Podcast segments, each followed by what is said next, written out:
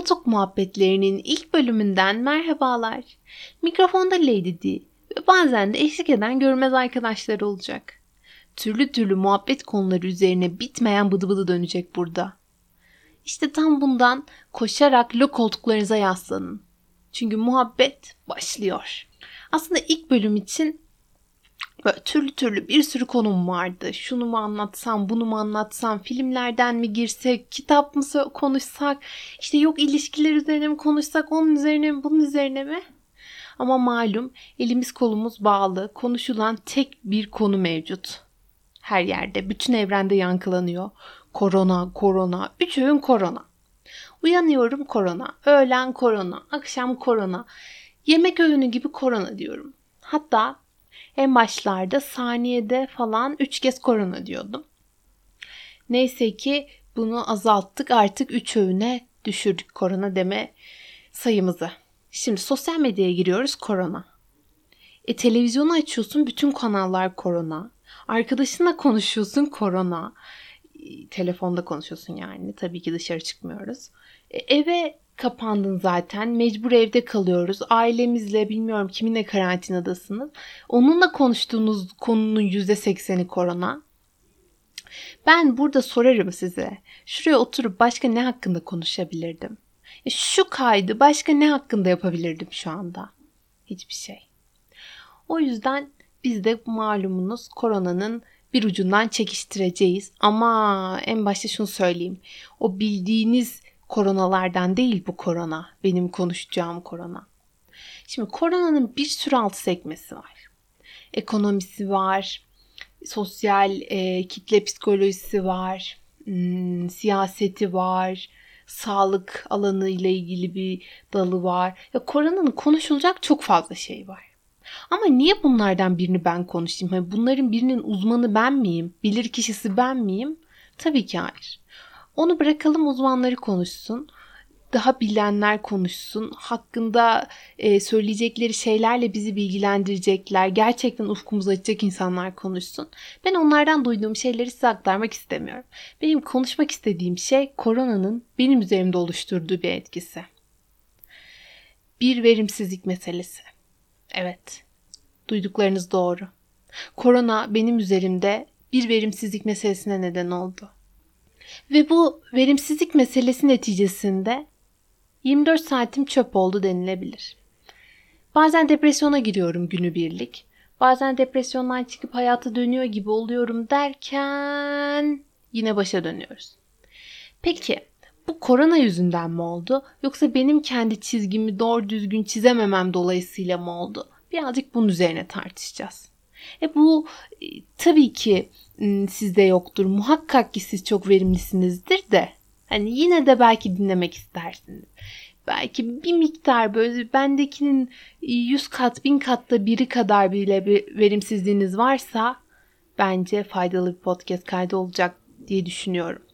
O zaman başlayalım. Şimdi ben koronadan önce çok mu verimliydim? Her şey çok mu yolundaydı? Böyle 24 saatimin 24 saatinde efektif mi kullan? Uyurken bile mi verimliydim ben ya? Tabii ki hayır. Okul veya iş hayatı bir şekilde evden çıktığım dönem içindeki mesela 10 saat dışarıdayız diyelim. Bu 10 saatin verimliliğini tartışmıyorduk bence. Yani kendi adıma tartışmıyordum. Ben şu an okulda verimli miyim demiyordum. Çünkü mecburdum. O derslere girmeye mecburdum. O pratikleri yapmaya. Belki arada bir iki saat boşum oluyordu dersler arasında. Kütüphaneye gitmesem Uf, çok verimsiz geçirdim 2 saati diyordum.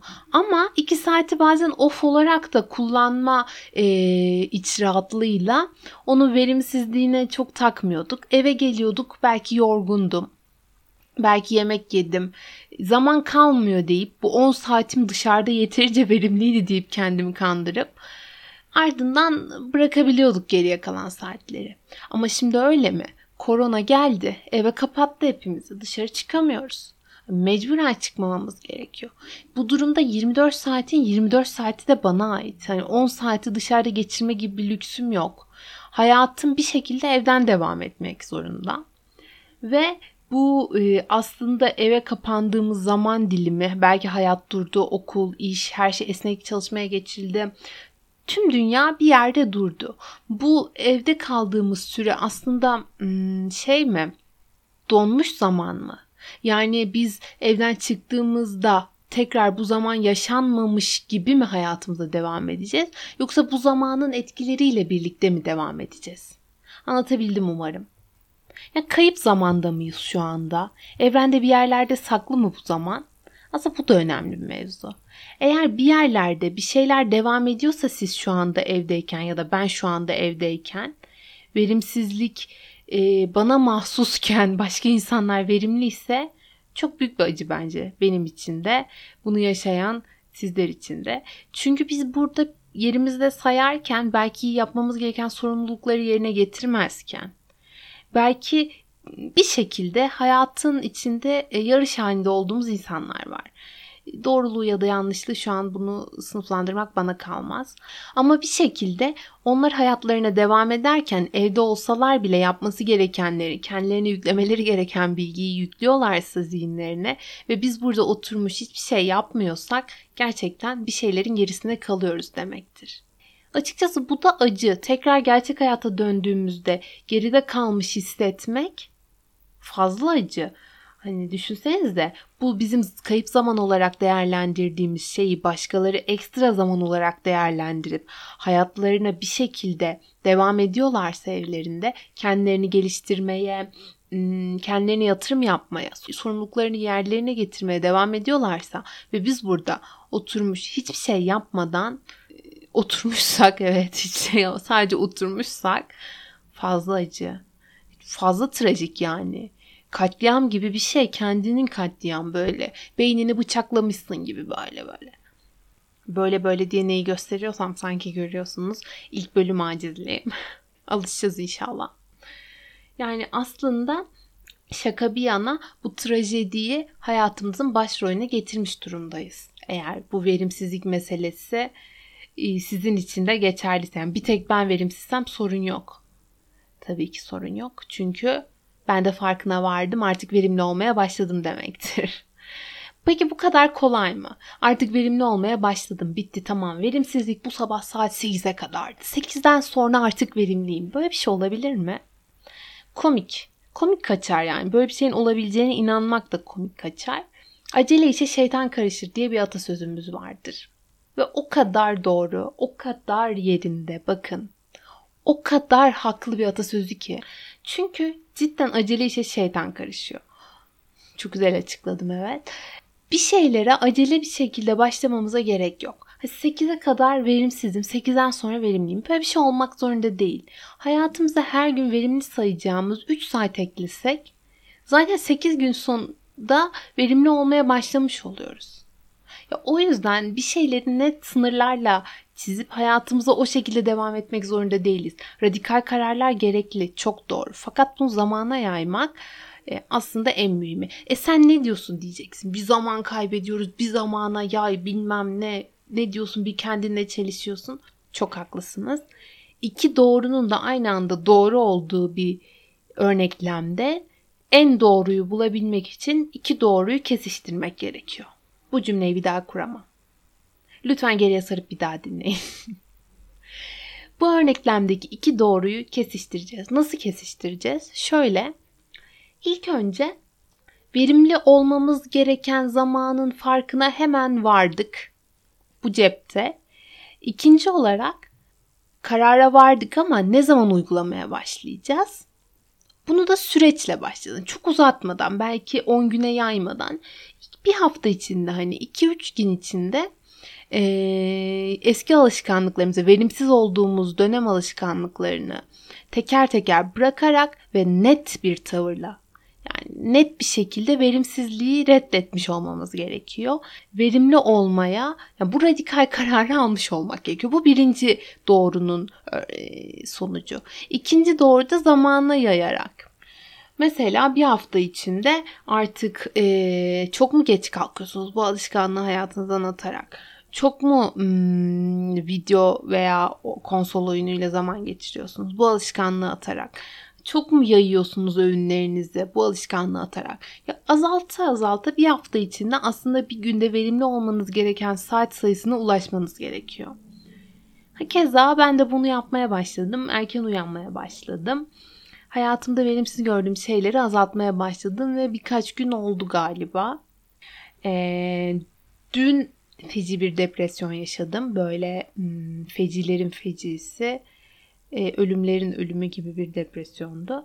Fakat o depresyonda hmm, ya depresyon da şahane. De, bu tabii ki depresyon değil benim dediğim. Hani tıbbi anlamda depresyon çok farklı tanım olan bir şey ama hani kendi aramızda kullanırız ya. Depresyondayım. Hani bu modum düşüktür. Hmm, şu an mutlu hissetmiyorum. Bir şeyler yapmak istemiyorum şu an anlamındaki depresyona bahsediyorum. Dün tamamen o e, havadaydım. Akşama kadar tam bir verimsizlik abidesi şeklinde yattım. E, sadece yemek yediğimi hatırlıyorum düne dair. Başka ne yaptın dün deseler söyleyecek bir tek kelimem bile yok. Bakın 24 saat. Ama bir tek kelimem bile yok. İşte bundan kurtulmamız gerekiyor yavaş yavaş. Bu dediğim iki örneklem kesişirse kesinlikle kurtulabileceğimizi düşünüyorum. Peki bu verim 24 saatte mi çok verimli olmamız gerekiyor? Böyle tam anlamıyla biz Bill Gates miyiz? Her saniyemiz mi muhteşem olmak zorunda? Bu da tabii ki hayır yani. Bu da çok komik bir şey eğer öyleyse. İsviçreli bilim insanları bunu böyle kabul ettilerse çok komik yani. Kendimizi dediğim gibi verimli olmamız gereken bir saat dilimi çizmemiz gerekiyor bence. Mesela sabah saatlerinde başlayıp akşama doğru bitecek bir verimlilik e, aralığı bırakırsak kendimize e, geriye kalan zaman diliminde de özgürce verimsiz olmanın keyfini yaşayabiliriz. Dolayısıyla vicdani azabı da dengelemiş oluruz. Mesela akşam saatlerinde verimsizliği seçebilirsin ya da akşam saatlerinde verimli olmayı sabah verimsizliği seçebilirsin. Bu şekilde e, aslında 24 saatin içinde e, tamamen mm, verimsizdim, tamamen günüm boşa geçti şeklinde bir şey asla söyleyemezsin. E, çünkü biliyorsun bir yerde de. E, aslında bugün şunları şunları yaptım ben. Bugünü verimli geçirdim. Şu şu sorumluluklarımı yerine getirdim. Bu bu kelimeleri öğrendim. İşte bak böyle bir inanış varmış. Bunu öğrendim falan filan gibi. Aslında verimli olduğunun kanıtını kendine yapabilirsin. Böylece ne olmuş oluyor? Vicdani azabı kendimizden kovuyoruz. Git diyoruz. Ben verimliydim. İster inan ister inanma. Benim günüm verimliydi. Sen kendi işine bak diyoruz. İşte koronanın üzerimde oluşturduğu bir verimsizlik meselesine bakış açım böyleydi. İlk bölüm için belki hiç marjinal, bayağı hiç hiç marjinal bir konuydu. Ne yapalım? Bu da bizim kahrolası ilk girişimiz olsun. Beni dinlediğiniz için çok teşekkür ediyorum. Kendinize çok iyi bakın. Aman aklınıza mukayyet olun. Hoşçakalın.